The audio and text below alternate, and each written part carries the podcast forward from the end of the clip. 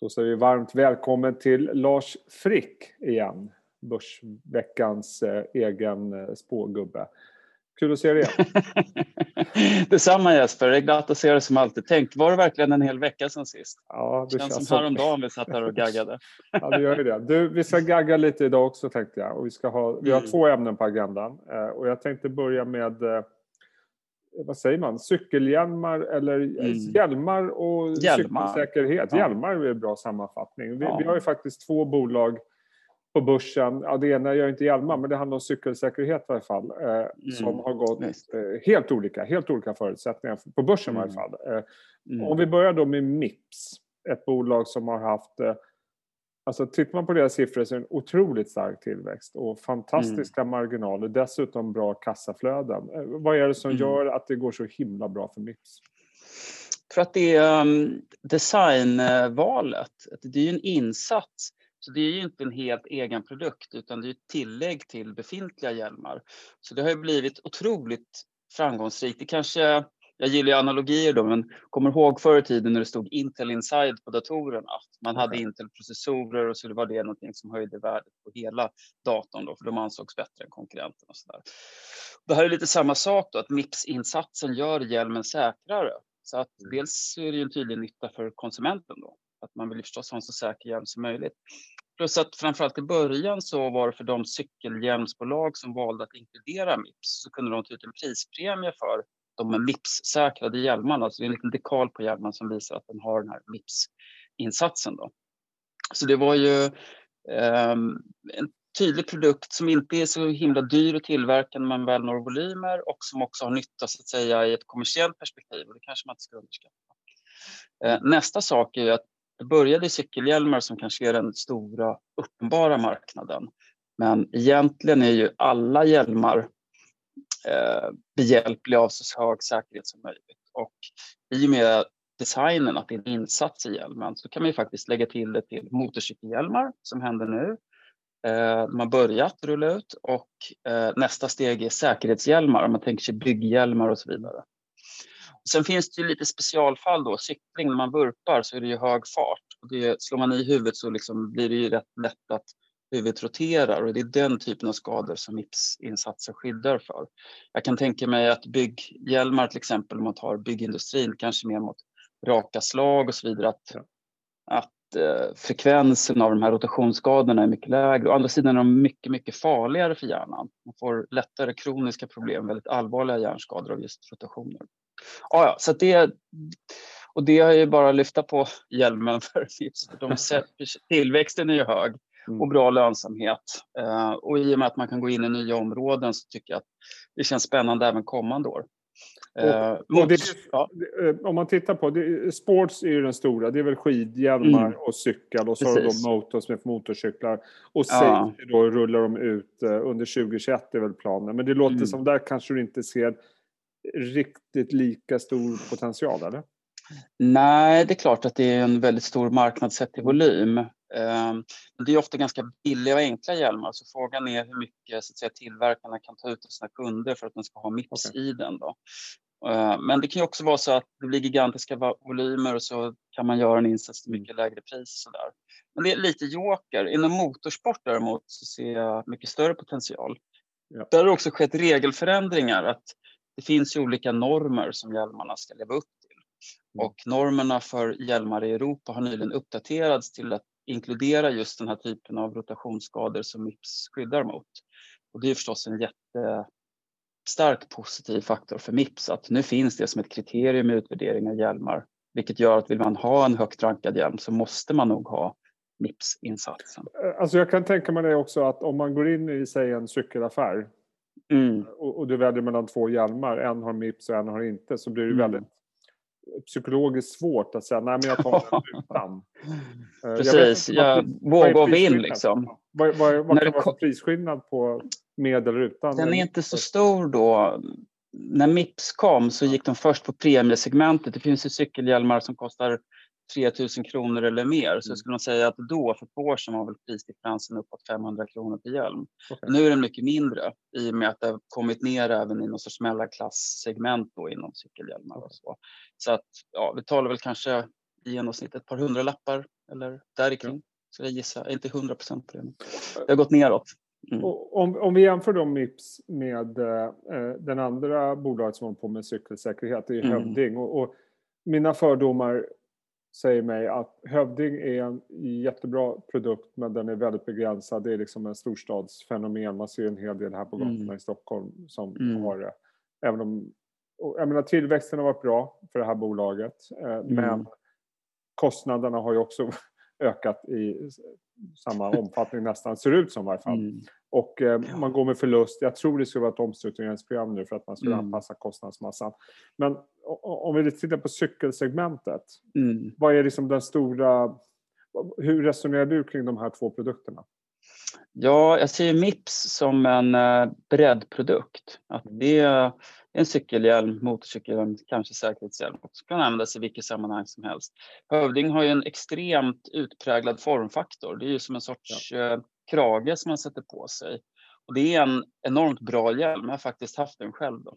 Ehm, så, den är lite tung men, men, ehm, men det, man har ju huvudet fritt och sådär. Så det är väl så att det appellerar till en viss typ av konsumenter eh, som är villiga att lägga lite pengar på dem då, för de kostar rätt mycket. Det är väl upp på 3000 kronor för en hövdinghjälm. Eh, det är också en engångshjälm. När den väl har löst ut så får man skicka tillbaka den så får man tror jag, reducerad självrisk, eliminerad självrisk, bidrag från försäkringsbolagen. Det är en så pass bra hjälm att de ser att det är en bra affär för försäkringsbolagen att sponsra den för det blir mindre skador bland deras kunder. Eh, men som sagt, det är som alla produkter med lite extrem design kanske, att det är, det är en one trick pony, den appellerar jättestarkt till ett visst segment. Mm. Och i storstäder tror jag att när folk ser den så blir man kanske också mer benägen att köpa den. Men man måste liksom ha sett den på några cyklister för att få upp ögonen för det. Ja. Aha, det där kanske jag också kan göra då. Så det är, det är en smal produkt. Mm. Jag kommer ihåg när de kom till börsen med den första hövdingen som även då var dyr. Förstås. Då sa de att deras plan var att över åren i takt med att man har större volymer ska man också kunna förbättra bruttomarginalen väsentligt. Att det var väldigt dyra komponenter men det är klart att kan man köpa dem i serie och kanske få en ökad grad av standardisering så kommer lönsamheten bli bättre. Men det har vi inte sett och det ser jag som en, ett väldigt tydligt minus. Att det är en för, kanske lite för avancerad produkt. Vi har accelerometrar som mäter rörelser i realtid och det är liksom en, en tung programmering för att gå in för att hitta vissa mönster som har med olyckor att göra, sen ska veta när den löser ut och inte. Så den är också rätt svår att anpassa för andra sporter. Man skulle tänka sig att en hövdinghjälm kanske skulle funka bra inom ridsport också. Men då måste man liksom programmera om hela eh, algoritmerna för, för det är en annan typ av rörelse. Ja. Så det, det, är liksom, den, den är kanske lite överdesignad. Eh, så. Så det är möjligt om några år att just här när, om, om och när komponenterna blir billigare, ja, då går det att göra en hövdinghjälm även för massmarknaden. Men där är vi inte nu. Och tittar man på börsen så har ju de här gått åt eh, två helt olika håll under det här mm. året med en fantastisk utveckling för Mips. Och era rekommendationer på de här två aktierna är? Köp i Mips och avvakta med Hövding då. Sen i ja, tidig våras, mars någon gång skrev väl om Hövding tror jag. Och sen så har vi precis nyligen då uppdaterat vår rekommendation i, i Mips. Just eftersom den har gått så starkt så var jag tvungen att titta lite till på den och fundera på det. Finns det verkligen någon potential kvar? Jag menar man snackar ändå 40 gånger rörelseresultatet i värdering. Eh, men givet tillväxten och att man nu hittar helt nya gigantiska segment, motorsport, potentiellt kanske också säkerhet, så mm. finns det mycket att hämta där. Ja, Spännande. Och du, apropå säkerhet, eh, tänkte vi, vi skulle prata lite ja. coronavaccin också. Eh, mm. Eh, försöka fördjupa oss lite grann och hur det påverkar sektorn. Eh, 9 november kom Pfizer med besked om eh, väldigt hög eh, effekt på deras mm. vaccin. Moderna följde strax efter med lika hög och eh, nu har även Astra kommit med väldigt lovande resultat om än inte mm. på pappret lika hög effektivitet mm. men klart över det man har satt som en gräns för att godkänna mm. coronavaccin. Eh, jag tänkte vi skulle börja titta på en graf som jag även hade med i mitt program igår med Maria Landeborn som danskar har mm. tagit fram som visar på den här, här timeline. Och mm. I den så är det vi har nu också alla hört, eh, innan årsskiftet så kommer vi förmodligen få ut de första vaccinen på mm. marknaden. Mm. Och sen kommer det följa eh, ytterligare godkännanden och andra bolag ligger också i pipen. Jag blir så oerhört imponerad över hastigheten i det här. Mm. Eller hur? Ja, det är ju fantastiskt hur otroligt fort det gått. Om man då lite grovt räknar med att det brukar ta ett decennium att ta fram ett läkemedel, vaccin kanske lite snabbare, men det är ändå eh, en fraktion av den tid det normalt tar. Och det speglar väl kanske de enorma resurser som har lagts på det och en stor vilja hos myndigheterna att eh, verkligen göra vad de kan för att få det att gå så fort. Men det är också imponerande för det känns ju inte som att man har tummat på säkerheten. Det är ju enormt stora studier man gör. Så det är inte mm. så att man har gjort en liten studie på några få människor. Typ som det ryska vaccinet, jag kommer inte ihåg, det pratades om något hundratal patienter. Ja. Och här är det tusen och åter tusen. Så det känns som att man också har en hög, hög säkerhetsnivå trots den accelererade tidslinjen.